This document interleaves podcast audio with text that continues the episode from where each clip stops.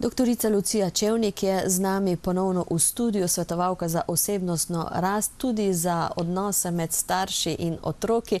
Meni je bilo najbolj simpatično, dobro jutro. Dobro jutro. Tisto, ko pravite, da prevajate jezik mladih v jezik staršev, ne? tu pride veliko krat do šumov. Ja, res je. Ja. Veliko krat pride do šumov in tudi obratno, ne? tudi um, potrebe in želje otrok v razumevanje staršev. Zdaj, bolj ko odraščajo, sploh tam v nekih najstniških letih, je ta šum precej pogost. No, ampak danes bomo govorili o medvrstniškem nasilju. Kako je pravzaprav opredeljeno to nasilje? V medvrstniškem nasilju govorimo takrat, kadar otrok. Um, kadar se otrok počuti ogroženega zaradi vrstnikov ali pa skupine vrstnikov, ki na njega izvajajo ali fizično, psihično, verbalno, eh, spolno, spletno, tudi materialno nasilje. Ne? To nasilje se pojavlja v različnih oblikah. Um, zdaj, ravno sem spremljala rezultate zadnje HBSC raziskave iz leta 2018, kamor je Slovenija vključena. Zdaj, zdaj, sedaj že četrtič raziskava poteka vsake štiri leta, od leta 2002, in se kaže trend stopnjevanja oziroma povečevanja medvrstniškega nasilja. Zdaj, na vprašanje, če so otroci bili ogroženi oziroma če so trpinčili ali bili trpinčeni, se je pokazalo, da ta procent nekako raste z letja. Ne. Res pa je, da se oblika nasilja nekoliko spreminja. Ne. Če leta 2002 dejansko še nismo toliko, oziroma sploh govorili o nekem spletnem nasilju, je to danes uh, če dalje pogostejša oblika. Verjetno otroci tudi danes majčkeno več vedo o tem, eh, kaj je nasilje oziroma da ni sprejemljivo. Ja, uh, Predvsej se o tem govori tudi v šoli. Eh, preventiva je tu zelo pomembna in eh, pravi, da imajo otroci informacije, kam se obrniti na po pomoč. Eh, zdaj obstajajo tudi številne varne točke, kjer so se tudi neke trgovske družbe vključile v to, torej možnosti za neko varnost oziroma poiskati prvi stik, kako iskati pomoč oziroma neko zaščito. Je zelo pomembno, no, da, da prije ta informacija do otrok. Eh, zakaj se pojavi to medvrstniško nasilje? Um, ali se pojavi pri določeni starosti, ali je to že zgodaj lahko? Lahko se pojavi zelo zgodaj, najpogosteje pa je to tam v najstniških eh, letih, oziroma recimo nekje uh, druga, zadnja triada osnovne šole, že tu spremljamo um, ta pojav. Eh, zdaj, zakaj se to pojavi? Čeprav gre tu za odnose med vrstniki, se, so vzroki tičijo pravzaprav druge. Večina vzrokov so v primarni družini, kjer otrok, ki trpinči, dejansko sam doživlja trpinčenje. Eh, Veliko krat gre za fizično, za psihično, tudi spolno nasilje znotraj družine in otrok, eh, ki nima zadovoljenih psihičnih, čustvenih potreb, potem išče neko žrtev zunaj družine, nad katero potem izvaja to nasilje. Tako kot je torej sam trpinčen, sam trpinči naprej in na tak način izraža neko svojo moč, svojo premoč. Ki je znotraj primarne družine, ne more izraziti se pravi, ne svojih potreb, ne svojih želja, ne svoje jeze, ne svojih čustev, in potem to nekako nalaga na nekoga drugega. Zdaj, otroci, ki so trpinčeni, so veliko krat otroci, ki imajo nizko samozavest, slabo samopodobo, se ne znajo postaviti zase, se pogosto ukrčijo, ne poiščajo pomoči. In to je nekako zelo pogost pojav, ne, da ti otroci potem tudi ne znajo nekako poiskati pomoči, se mhm. obrniti na nekoga, ki jim bi stal ob strani, se bojijo ne, in se počutijo ogrožene. Ampak uh, jaz se bojim, da tudi odrasli ne znajo prepoznati te znake, ker večinoma stisko vendarle na nek način otroci, čeprav jo skušajo zakriti, neki znaki so. Ja, pogosto se to kaže na neki uh, duševnih stiskah, uh, mogoče ne vem, močenje postelje, uh, slabo spanje, zapiranje vase, uh, po, za, močno popustijo v šoli, uh, se zapre, mislim, ne več komunicirajo, niti ne s prijatelji, niti ne z uh, svojci. Uh, in če se neko tako obdobje kar vleče, ne, to uh, postane alarmantno in je potrebno pač uh, ukrepati. Mhm. Zdaj, eno so ti težki primeri, ne bomo rekli hude žrtve, drugo je pa tisto, ko je tudi zasmehovanje, najpogosteje zaradi videza, zaradi telesne teže. Kako takrat ravnati? Ja, um, Obstajajo torej različne oblike, različne eh, stopnje medvrstniškega nasilja. Zdaj, kadar gre za smehovanje, za zasmehovanje, je tu pač so pogoste um, opaske, ja, kot ste rekli, večinoma na račun telesnega videza. Gre pa seveda za obdobje najstništva, kjer so otroci zelo občutljivi um, glede svojega telesa, sploh zaradi tega, ker se telo spreminja. Um, sami nekako pažajo te spremembe, so zelo negotovi, iščejo neko svojo no, lastno identiteto. Zdaj, kako v taki situaciji odreagirati?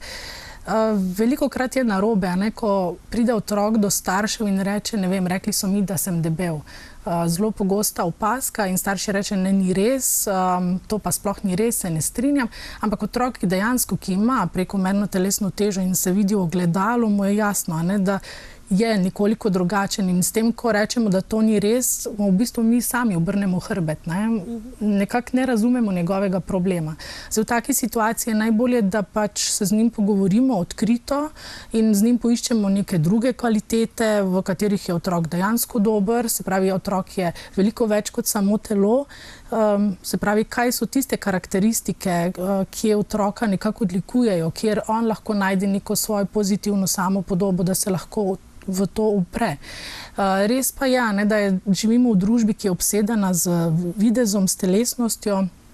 In da je lepotni ideal, če dalje vitkejši, kljub temu, če gledamo na splošno indeks telesne mase celotne populacije, pa se ta povečuje. Ne? Tudi uh, vedno več je prekomerno uh, debelih otrok, se pravi, uh, z prekomerno telesno težo.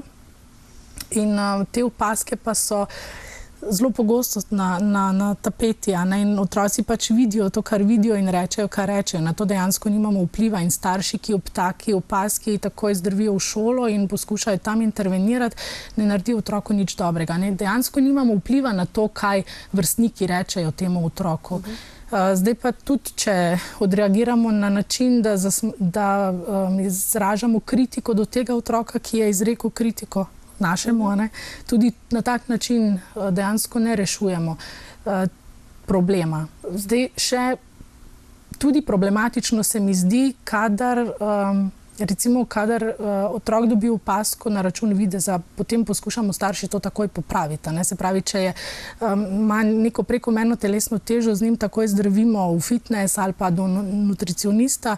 Na tak način otroku tudi sporočamo, da tako je ni ok, ne? da dejansko se strinjamo s kritiko in se da je treba popraviti, v narekovajih seveda.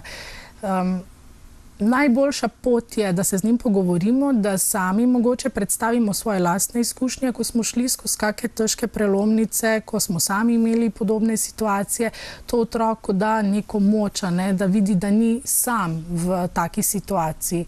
Uh, tudi če ga um, izpostavimo pogovoru nekomu, ki je imel podobne težave ali ima podobne težave. Seveda pa je skrb za zdravje zelo pomembna. Zdaj, če skrbimo za zdravo telo, eh, skrbimo tudi za lepo telo in um, zdaj prekomerna telesna teža pač je pogosto posledica nekega nezdravega življenjskega sloga. Ne. To pa moramo se starši tudi vprašati, kaj naredimo za dovolj gibanja, za dovolj zdrave prehrane, za dovolj spanja. Drugače vrstniki težijo k temu, da bi bili sprejeti. In ko se recimo v razredu takšne skupinice oblikujejo in ena skupinica ne sprejme druge, uh, je to tisti, ki ostane zunaj. Uh, Mu je lahko velik problem, ne, čeprav nima neposredne zveze s šolo ali uspehom. Ja, seveda, to so duševne stiske, s katerimi se taki otroci srečujejo. In zdaj, če nimajo nekega notranjega, notranje pozitivne samopodobe, je lahko to zelo močan udarec na njihovo osebnost, na njihovo življenje in se to hitro pokaže tudi na vzven, ne v, v um, otrokovi otrokovem načinu funkcioniranja. -huh. e, mnogi namreč zelo naradi gredo v šolo prav zaradi tega, ne, ne samo zaradi učne snovi in pa nalog. Ja, izločenost je tudi lahko rečemo neka oblika medvrstniškega nasilja. Um, Žalostno je, ja, da se danes pojavlja tudi take oblike, kjer otroci ne sprejmejo drugega, zaradi tega, ker mogoče ni oblečen v priznane blagovne znamke, ne, mhm. ker ni ne dosega nekega družbenega statusa. Slišali smo za primer uh, vonja. In učitelja, ki je poslal učenca ven, bi, kako ste vi komentirali to? Zdaj je situacija čist natančno ne Seveda, poznam. nihče eh, ne pozna. Ne, Ja, težko se zdaj ja. opredeljujem, ampak ja, neke stvari so lahko muteče. Ne? Če je lahko muteč telefon ali pa če je mutečo, ne vem, govorjenje med puko, je lahko tudi pretiran von, lahko muteč za ostale. Ne? In z tega vidika mogoče upomniti, ampak na nek primeren način ni nič kaj narobe. ne. Mislim, Ja. Spostaviti neke normalne okoliščine za delo, za vse prisotne, pa je vendarle zelo pomembno. Um, kaj pa to prav nasilje, recimo pretepi, uh, kakšno zapiranje v stranišča in podobno? Ja, tudi to se dogaja. ne. Um, to pač je zelo pomembno, no, da otrok sam izpostavi ta problem in da tudi poišče pomoč, predvsem pri odraslih, ki mu lahko stopijo ob stran in mu pomagajo rešiti tako situacijo. Uh, Zelo pomembno pa je, da tudi sam to prvo reakcijo, ne zavrnitev tega nasilja, nekako izrazi z jasnim govorom, z intonacijo in pa z samo svojo um, telesno držo. Ne? Se pravi, otrok, ki ima pozitivno samopodobo, ki um, se bo znal zoprstaviti uh, nekim potencijalnim um, vrstnikom, ki bi želeli nad njim izvajati nasilje. Ne? Se pravi, sploh ta pokončna drža, eh, odločno, uh, odločen ne um, in umik, potem miren umik, um, veliko krat nekako. Um, Tistemu, ki bi želel izvajati nasilje, ne ga nekako odvrne od tega. Veliko krat smo slišali, da um, mogoče malo starejši jemljajo denar uh, tem otrokom, da si ti ne upajo povedati. Verjetno vendarle gre en osnovni uh, nasvet, povejte takoj nekomu, ki mu zaupate. Ja, sigurno. Ne. Čim prej poiskati pomoč, ker uh, to se. Ko to je kot snežna kepa. Ne? Se pravi, najprej vzamejo malo in potem želijo vedno več in več in več. In otrok, ki je žrtev nasilja, vedno bolj tone v neko uh, neizhodno situacijo. Ne? Uh, tisti, ki pa izvaja nasilje, nasilneži pa dejansko dobijo popolno prevlado in premoč nad njim. Treba je to rešiti čim prej. Čim prej, takoj, in verjetno je treba otroku verjeti tudi takoj. Ja, tudi starši se pogosto ne, izogibajo konfliktom in upajo, da bo stvar nekako izvenela in da ne bo imela posledic. Lahko se tudi to zgodi, seveda v, v bolj srečnih primerih, uh, ampak pogosto. Um, Situacija nekako požre ne, in otroka, in, in, um, in celo, celo dinamiko, tako da se je zelo težko potem izvleči iz tega. Ne. Se pravi, nasilje postaje če dalje bolj intenzivno in otrok ima vedno manj um, moči, da se reši, ne, da, da poišče pomoč in da spregovori.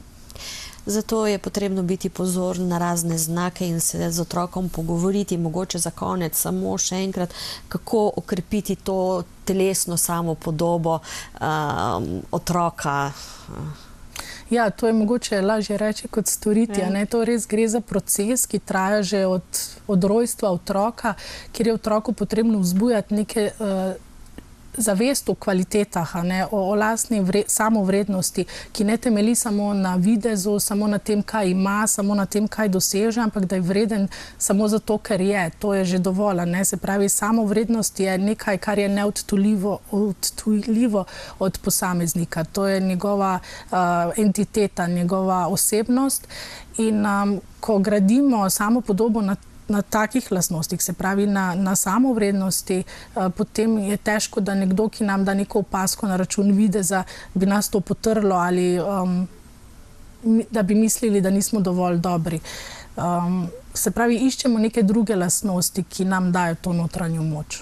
Zato je toliko bolj pomembno, da v družini je otrok, uh, ne bomo rekli, precenjen, ampak da je tako normalno, da ga imajo radi, da ve, da je spoštovan. Se pravzaprav spoštovanje je primerna beseda. Seveda, ja, točno to. Se pravi, da je spoštovan in da ima možnost tudi izraziti svoje želje, tudi svoje čustva. Otroci so tudi kdaj jezni, starši nimamo preveč radi pogleda na jeznega otroka, ampak tudi mi smo kdaj jezni. Nekako mi imamo pravico to izraziti, ko pa je otrok jezen, pa se nam zdi nekaj nedopustnega.